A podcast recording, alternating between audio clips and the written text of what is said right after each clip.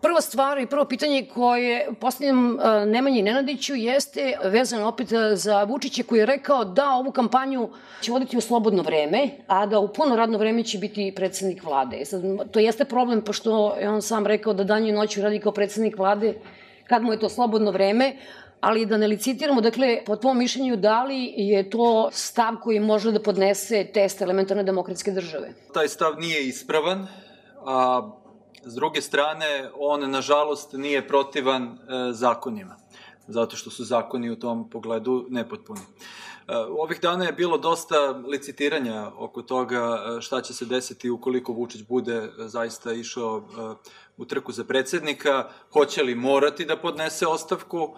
Prvo, e, niko ne mora nikada da podnosi ostavku. Znači, podnošenje ostavke je uvek lični čin. Ono što ponekada može da se desi je da funkcioner bude smenjen ako krši neka pravila. Ovde podnošenje ostavke ne bi apsolutno ništa e, razrešilo, jer bi u tom slučaju vlada nastavila da radi u takozvanom tehničkom mandatu, a videli smo na šta to liči. Dakle, i kada su bili parlamentarni izbori, kada je vlada bila u tom tehničkom mandatu, funkcioneri su koristili svaku priliku da obavljaju navodno redovne, a u suštini promotivne e, delatnosti, pa nema razloga da, da pomislimo da bi išta drugačije bilo i sad.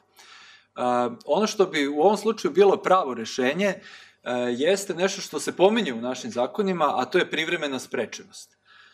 Jer ako neko vodi izbornu kampanju, dakle kad bi je zaista vodio, išao na mitinge, obilazio građane, ubeđivao ih da je on najbolji kandidat za predsednika, Naravno da takav čovjek ne bi mogao da bude ni predsednik vlade, niti bilo kakav drugi funkcioner u isto to doba. I to je taj institut privremene sprečenosti kao kad je čovjek bolestan, kad je na odmoru, to je nešto što bi moglo i ovaj put da se koristi. Čuli smo od premijera da neće odabrati taj put, da hoće da i dalje e, bude u punom kapacitetu predsednik vlade dok traje kampanja. Tako da to sluti, jel da, da ćemo imati opet neku vrstu funkcionerske kampanje kao što smo imali i na svim prethodnim, uh, i na svim prethodnim izborima. Otprilike to je takva situacija. Sada imamo opet malo komplikovaniju situaciju zato što i Toma Nikolić je najavio da će da se kandiduje. Šta će to značiti u njegovom slučaju? Hoće li se on uzdržavati od obavljanja tih uh, promotivnih aktivnosti u, u doba kampanje, e, opet e, je pitanje samo njegove odluke, nažalost, zato što ne postoje neka čvrsta i jasna pravila, a tražili smo da se uvedu, koja bi rekla šta funkcioner sme da radi dok traje kampanja za njegov izbor ili kampanja koju vodi njegova stranka. U čemu je caka? Funkcioneri kažu, pa mi moramo da radimo naše redovne poslove ali suština je u tome da oni te svoje redovne poslove, navodno redovne poslove, planiraju u povećanom obimu upravo u doba kampanje. I to je ono što je problem, a za tako nešto nemaju apsolutno ni jednu zakonsku zapreku. Jedino što postoji je odredba zakona o Agenciji za borbu protiv korupcije, koja govori o, o tome da funkcioner mora da uvek jasno predoči šta je ono što radi u svom službenom kapacitetu, a šta je ono što radi u kapacitetu kandidata na izborima, člana partije i tako dalje. I s tim u vezi, znači, funkcioner ne bi smeo da zloupotrebi javne resurse zarad partijske promocije.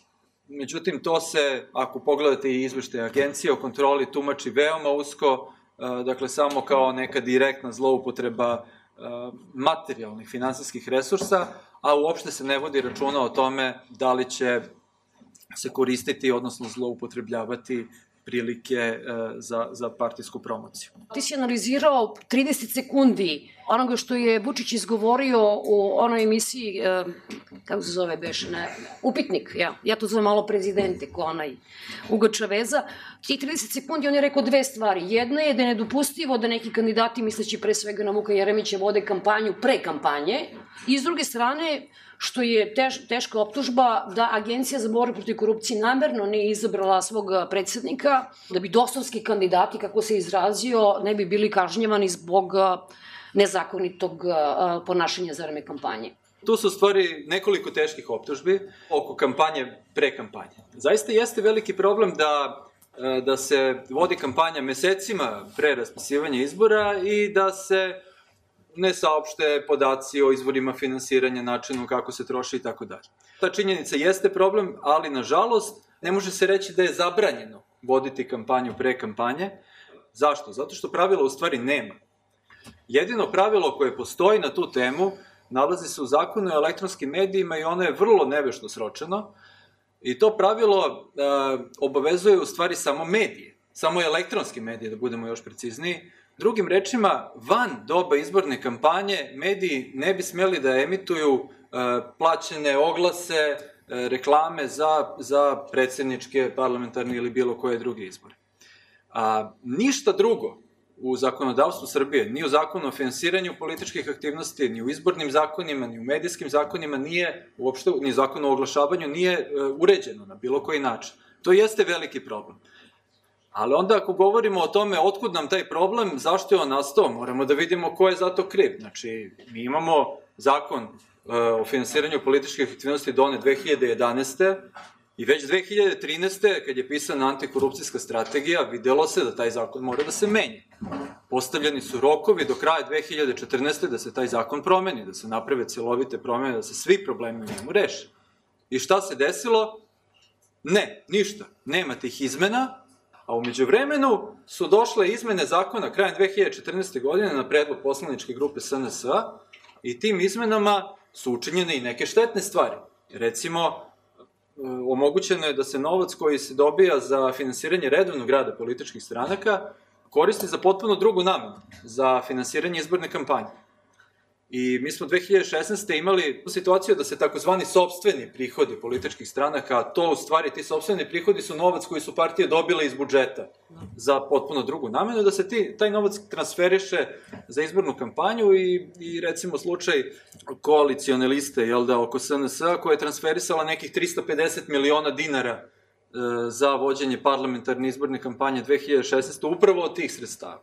Dakle, s jedne strane, e, smo imali demonstraciju da kažemo, odsustva volje da se taj zakon o finansiranju političkih aktivnosti učini e, kvalitetnijim. S druge strane, e, demonstraciju volje da se zakon prilagodi trenutnim nekim potrebama partije. Ako sada stranke imaju mogućnost da novac koji su dobili za redovan rad prebace za predizbornu kampanju, to samo znači da se produbljuje jaz između velikih političkih stranaka koje su u parlamentu i manjih opozicijenih stranaka ili van parlamentarne opozicije. Dakle, pa, oni su odmah u startu još mnogo veće prednosti. Upravo tako, dakle, e, sad uvek su oni veći, jel da, u malo boljem položaju, ali e, ovde smo imali situaciju e, gde se ta razlika sada učinila drastično. Nekada, dakle, do te promene zakona, svi učesnici na izborima su dobijali jednaku sumu novca unapred. Nakon izbora samo pobednik je dobijao ili od 2012. učesnici drugog kruga predsedničkih izbora su dobijali još neka dodatna sredstva, što je logično, imali su e, znatno veće troškove. Ali, e, kažem, nakon, e, nakon ovih izmena ta razlika je zaista postala drastična ona ide u korist, da, baš tako kao što se rekla, velikih parlamentarnih stranaka, a u našem e, slučaju, u sadašnjem sistemu Srbije, to je praktično samo jedna velika parlamentarna stranka, do 2012. ih je bilo tri ili četiri koje su možda imale takav status. A, drugi deo pitanja je bilo zvezano za agenciju. Da. Za agenciju, da, to je stvarno dosta teška optužba. Mislim da, za, da ona nije osnovana. Mi sad imamo situaciju da direktor agencije nije izabran Zato što je za taj izbor potrebna većina ukupnog broja članova odbora agencije, njih bi ukupno trebalo da bude devet. Međutim, u stvarnosti ih ima šest. I a, e, apsolutna većina je pet ljudi. To je veoma teško postići u bilo kojim a, e, okolnostima. Normalno je da se ljudi ne slažu, da, da isključimo sve moguće političke razloge, ali normalno je da se ljudi ne slažu uvek oko toga ko je najbolji kandidat prvo treba videti ko je kriv što mi imamo samo samo šest članova uh, agencije za boru, odbora agencije za boru protiv korupcije. I treba da se setimo da, da je pre, čini mi se sad već dve godine ili tako nešto, stigao u Skupštinu predlog poverenika i, i zaštitnika građana da se za, za člana odbora izabere Vida Petrović Škero. A o, taj predlog nikad nije stavljen na dnevni red Skupštine. A, dalje, novinarsko udruženje su se veoma teško usaglašavala godinama i na kraju su uspeli da predlože jednog kandidata, ali taj predlog tamo već nekoliko meseci figurira, e, bio je na Skupštinskom odboru i nije proces doveden e, do kraja. I, dakle, Skupština, odnosno Skupštinska većina, koja nije izabrala ove nedostajuće članove, je isključivi krivac zbog e, teškoće da agencija, da odbor agencije funkcioniše nesmetano. Ali sad sve to na stranu ako imamo tvrdnju s jedne strane da, da su ova dva člana odbora agencije, ne znamo koji su, koji nisu glasali za ono kandidata ili kandidatkinju za koju su preostale četiri, da su oni direktno želeli da pogoduju takozvanim dosovskim kandidatima. Znači, to je direktna optužba za krivično delo, za, za zloupotrebu, za trgovinu uticajem, za, za takvu optužbu mora da postoji nekakav dokaz, e, valjda, i, i čini mi se da stvari e, bi možda e, pre trebalo postaviti obrnuto. Ima razloga da se pretpostavi da, da su upravo ta dva člana odbora možda sačuvala agenciju od još neke dodatne politizacije. Jer bilo je u novinama jedna lista kandidata na kojoj se nalazilo i nekoliko ljudi koji su obavljali značajne funkcije u Ministarstvu pravde od 2012. do 2016. godine. Sada, to su najbliže saradnice ministra Selakovića. Ministra Selakovića jeste i ovaj, sada pretpostavljam da su neki od njih i direktno vezani i za, i za političku stranku, jel da, koji pripada i ministar. Tako da, sasvim sigurno bi bilo onako dosta upitno um, ukoliko bi neko od kandidata sa takvom političkom uh, zaleđenom uh, bio izabran za direktora agencije, imajući u vidu uh, dužnost agencije da kontroliše finansiranje političkih stranaka. Na kraju krajeva, kogod da je direktor agencije, imala ga ona ili nemala, ništa na ovom svetu ne može osloboditi službenike agencije i, i sadašnje rukovodstvo, pa makar bilo i u vede stanju, od toga da rade svoj posao. Znači, oni imaju dužnost da, naravno, i kontrolišu finansiranje izborne kampanje i ako uh, jedan od kandidata, gospodin Vučić, ima konkretne sumnje da je neko prekršio zakon, agencija i dalje prava adresa da, da prijavi e, takve sumnje i agencija će biti dužna da to ispita. U kojem obimu je e, ta funkcionarska kampanja po tom sudu uticala na, ili mogla da utiče na izborne rezultate ranije? I drugo, da li se sad nešto menje kada su u pitanju predsjednički izbori? 2014. smo na primeru jasno pokazali koliki je značaj funkcionarske kampanje i koliko ona u stvari može da zameni nekakvo novčano ulaganje. SNS tada nije imao kandidata za gradonačelnika, ali u javnosti se pominjala tri imena, Zorana Mihajlović, Siniša Mali i Goran Vesić.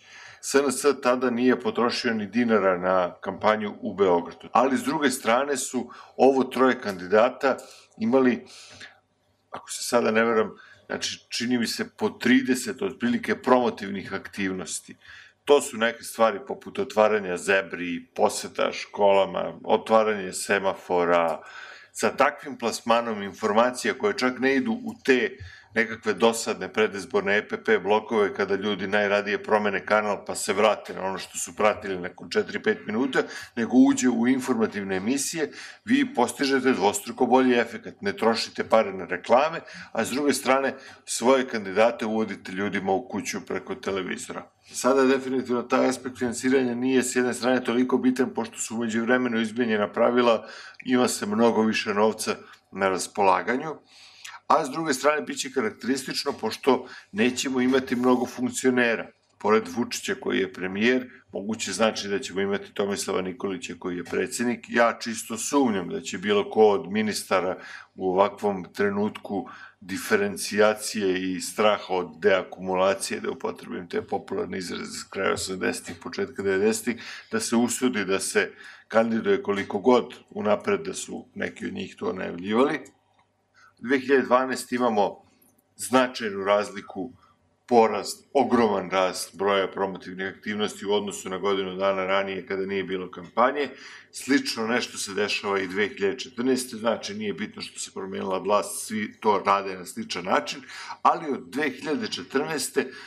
vlada ulazi u permanentnu izbornu kampanju i već 2016. nemamo tako veliki skok, zato što veliki broj ministara radi nešto što je funkcionerska kampanja tokom cele godine. I sada kada posmatrate proteklu godinu i premijer se sada otvoreno hvali time koliko je on fabrika otvorio, gde je on sve bio i šta je radio i najavljuje da će nastaviti to da radi i vrlo je lako, bar se meni čini, da se desi da premijer onako u jednom uh, jednom aktu samožrtvovanja saopšti da zbog Srbije on neće ni voditi kampanju za predsednika, nego će raditi svoj posao i da nastavi da radi da nastavi ovu kampanju koja mu traje već dve i po godine, tvrdeći da to nije predsednička kampanja, nego je to, bože moj, pogledajte ono isto što ja radim već dve i po godine. I to je onda jedna izuzetno a, dobro osmišljena predsednička kampanja koja ne ulazi u te blokove gde se eventualno emituje emituju pripremljeni spotovi, nego opet ulazi u udarne minute informativnih emisija. I s druge strane, ono što mi nemamo u Srbiji, a bilo bi lepo bar da probamo, da vidimo kako to izgleda, to je nadzorni odbor koji bi trebalo da se formira u skladu sa zakonom o izboru narodnih poslanika, a koji se primenjuje i na predsjedničke izbore, koji bi pratio aktivnosti kandidata i medija i ukazivao upravo između ostalog i na ovakve slučajeve funkcionerske kampanje. Za prošle izbore pre godinu dana, imali smo prvi korak učinjen da predsednica Skupštine pozove političke partije i vladu da predlože kandidate, odazvalo se nekoliko, uslovno rečeno, manjih partija, par opozicijonih, nekoliko iz vladajuće koalicije, nisu se odazvali najveći i, ajde da kažem, najbitniji igrači, vlada i SNS sada ne čujemo čak ni nešto slično, ni taj stidljivi poziv da se formira nadzorni odbor. E, upravo zanimljivo iz ovoga što je Zlatko pričao, mislim ne bi trebalo stavlja odgovornost samo na same funkcionere i na sama ta neka uh, tela koja bi trebalo da regulišu čitavu situaciju, nego i na same medije. Zbog čega se naši mediji ne ponašaju profesionalno? Vi sami bi trebalo da znate šta je vest, a šta nije vest sa čega treba izveštavati, a sa čega ne treba izveštavati. Znači, ako neki sad funkcioner otvora zebru ili šta god, ono, kružni tok, uh, da li je to nešto o čemu treba izveštavati samo zbog toga što se tu pojavljuje da li ministarka, ministar, premijer ili uh, tome slično. Tako da bih ja lično voleo da malo uh, stavimo odgovornosti na same medije Pre nego što krenemo sa medijima, dakle šta je sa REM-om? Da li, da li pa, je mislim, uopšte radio svoj posao? Šta je bilo sad, poslednji put je bilo to da oni nisu izašli sa izveštajem koje su inače objavljivali uh, svaki put kada su bili određeni izbori. I mislim, to je nešto što je, da, poprilično čudno i, i kažem, i zanimljivo.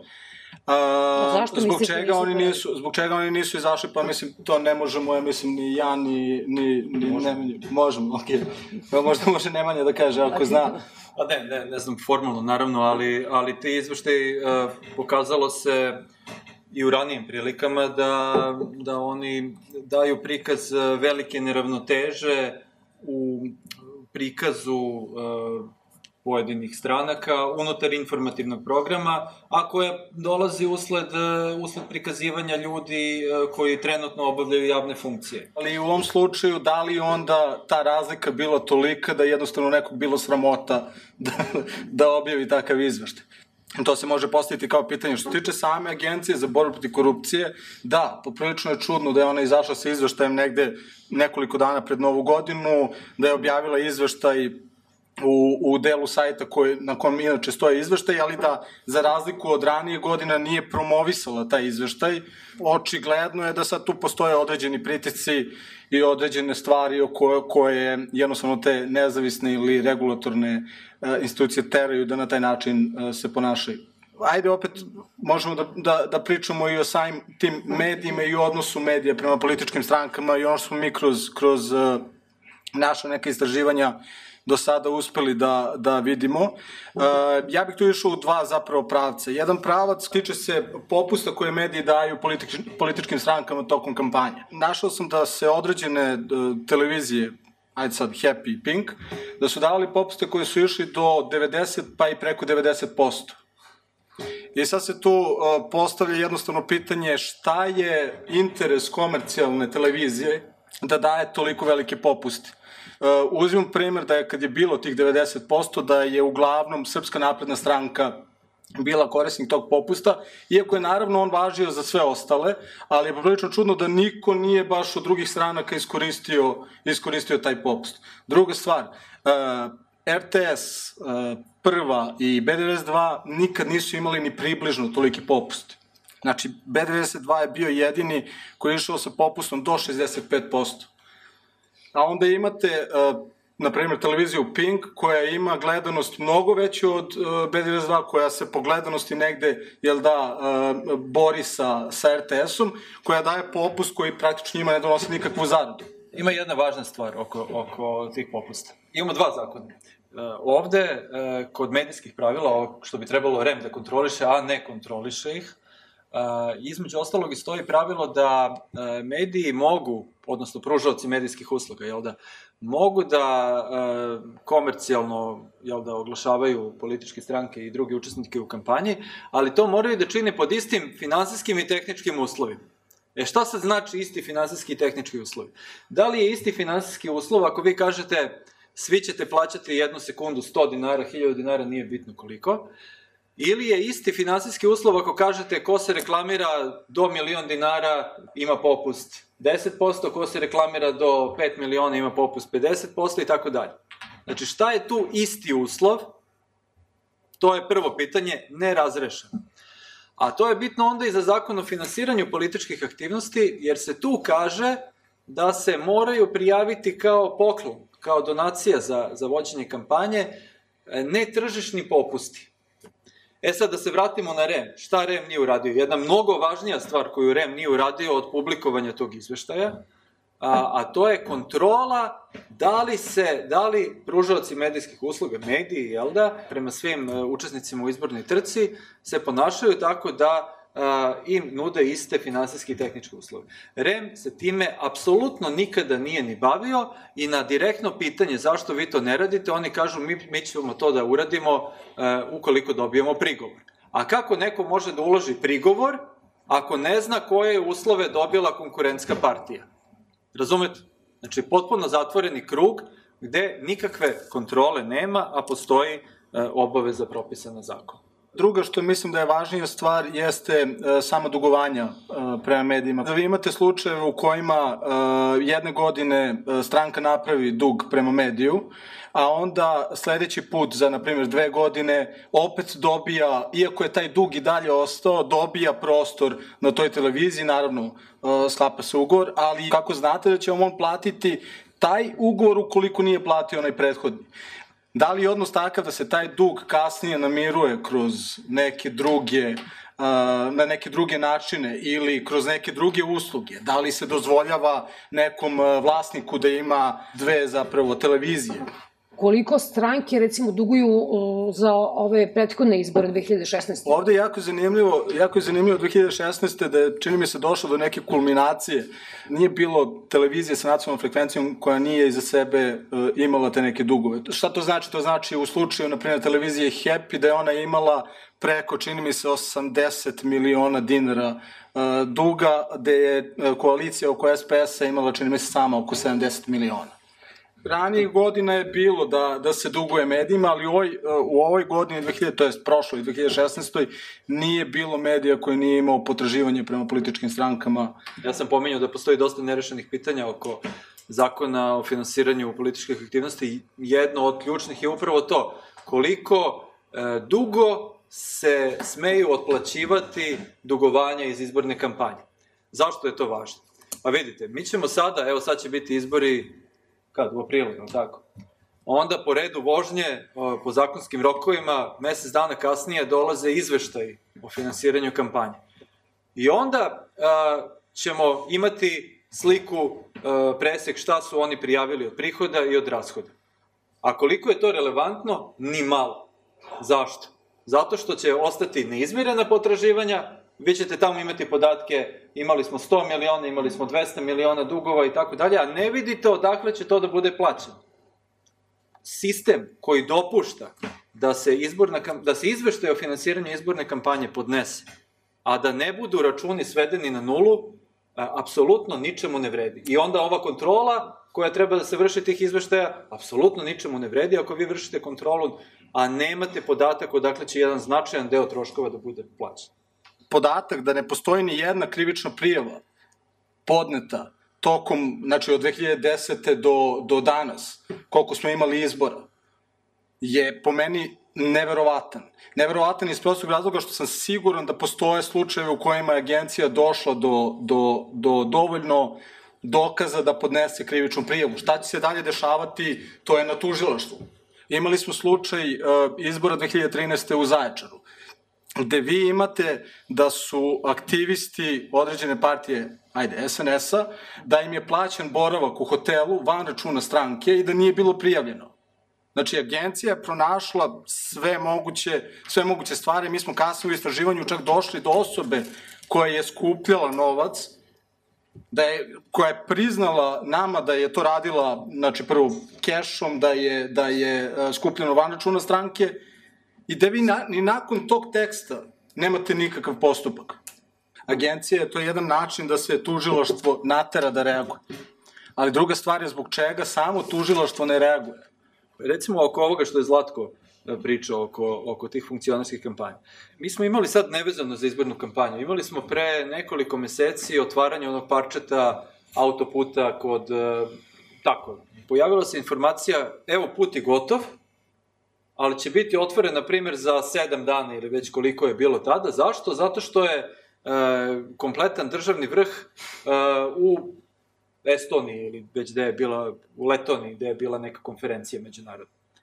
Kakve veze ima otvaranje autoputa sa time gde je e, neki ministar ili predsednik vlade, tako dalje. Valjda taj autoput postoji da bi služio građanima, a ne da bi služio nekome da ga otvori. 2012. opet putevi, ne znam da li se sećate kad je po stoti put otvorena ona jedna obilaznica jedno parče opet obilaznice oko Beograda, direktor Puteva Srbije koji to organizovao, on je pozvao i najavio, između ostalog, da će na, na tom otvaranju da prisustuje kandidat za predsednika Boris Tadić.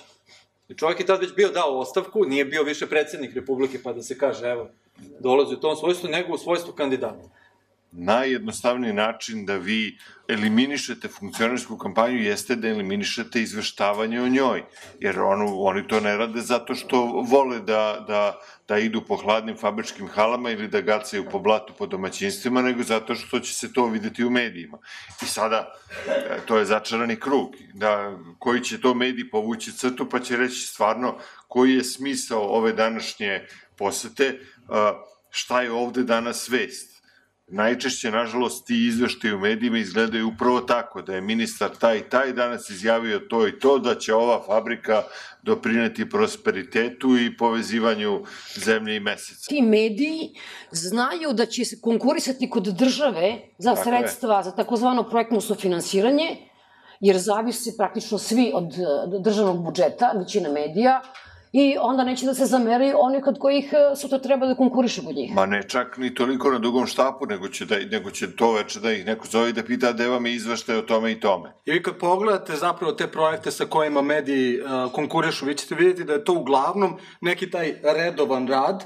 Vi imate medije koji uh, promovišu funkcionere, političare generalno, uh, koje promovišu kroz svoje emisije, za to dobijaju novac I jednostavno ni jednima ni drugima ne odgovara da se situacija promeni. Kad pitate nekoga od političkih aktera da li je uh, i na koji način je nabavio novac, oni kažu ovako, nešto smo dobili iz budžeta i onda sledite rečenica, a nešto od privatnih donacija. Da je to otprilike pola-pola, da pola daje država, odnosno mi iz budžeta, a pola neki nepoznati ljudi ta računica uopšte nije tačna, tako? Ne, ne. Ljudi su zabludi kada čitaju zvanične e, izveštaje o finansiranju kampanje da, da tu zaista postoje neki razni izvori. A, u suštini, e, na primjeru 2016. godine, sa velikom verovatnoćom se može pretpostaviti da je dal 97 ili 98% prijavljenih svih prijavljenih e, rashoda da će biti ili već jeste plaćeno iz budžeta. E, zašto? Zato što e, partije dobijaju jedan deo novca iz budžeta za finansiranje kampanje. Uopšte nije u pitanju mali novac, znači nekih preko 5 miliona evra. A, to je ono što ide direktno za finansiranje kampanje. E, a onda dođe onaj deo gde kaže, to smo pričali već, sobstveni prihod. A sobstveni prihod u stvari novac koji je partija dobila iz budžeta za finansiranje redovnog rada.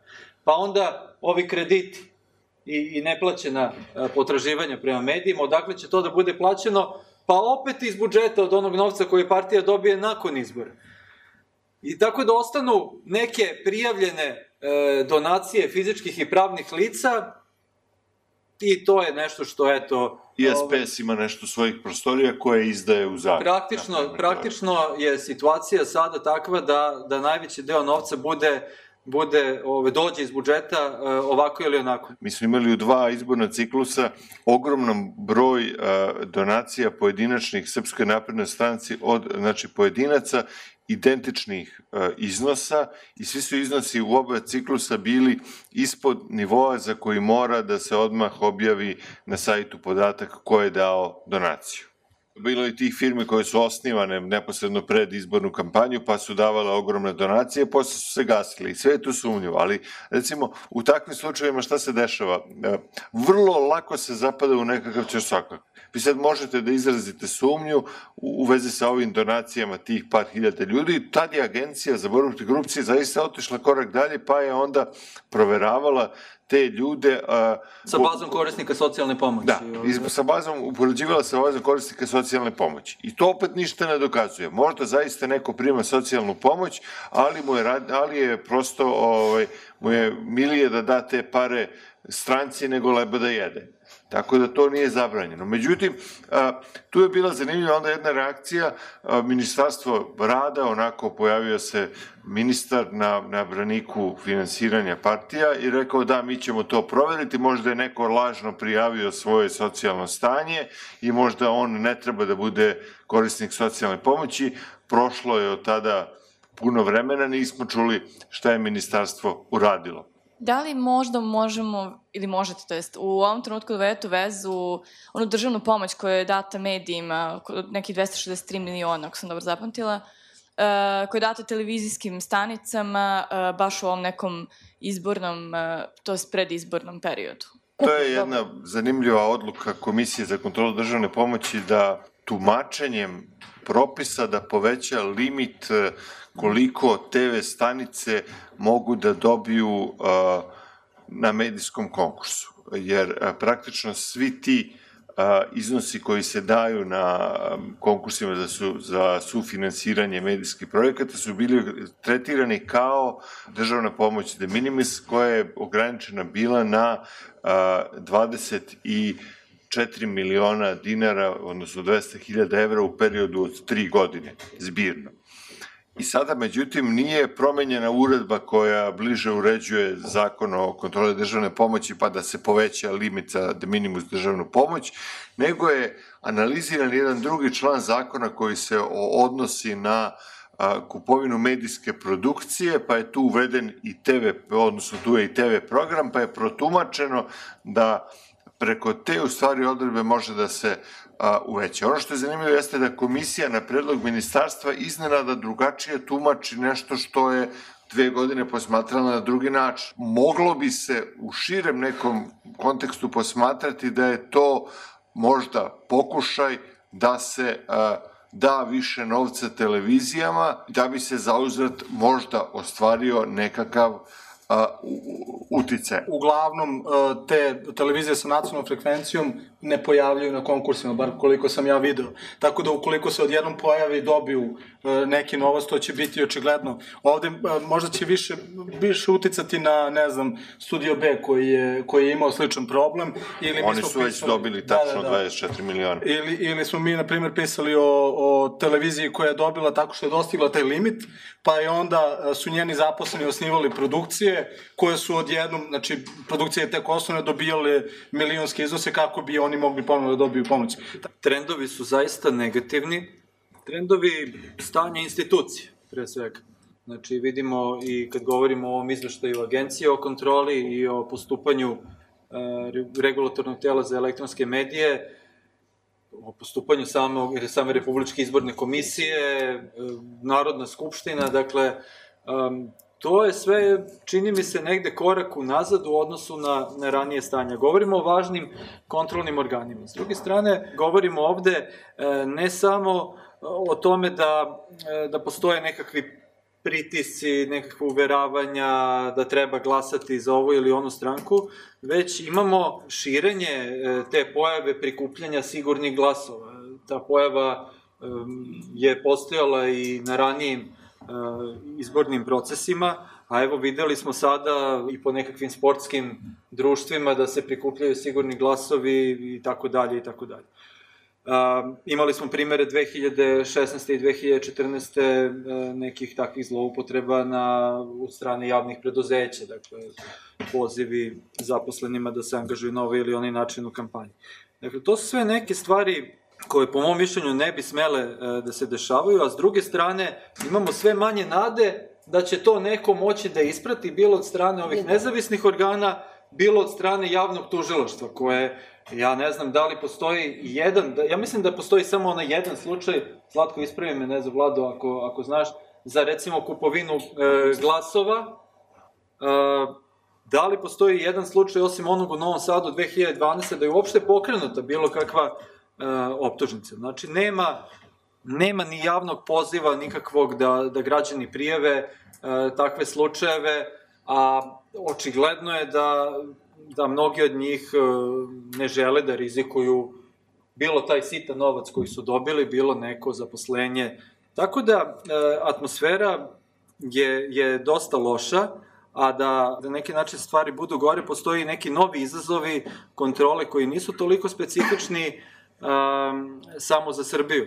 Sada će i na ovim izborima i na svim budućim uh, znatno veću ulogu imati internet mediji, društvene mreže, I sada, ako smo imali situaciju gde kontrolni organi nisu mogli do kraja da ispitaju pravna lica i da prikupe podatke od pravnih lica koje su tu dostupna u zemlji, koje imaju obaveza da im dostavljaju podatke, šta tek onda da očekujemo u nekoj budućnosti kada treba da traže podatke od nekog Google-a ili, ili Facebooka sa sedištem u, gde već, u Kaliforniji, državi Washington ili na nekom trećem mestu.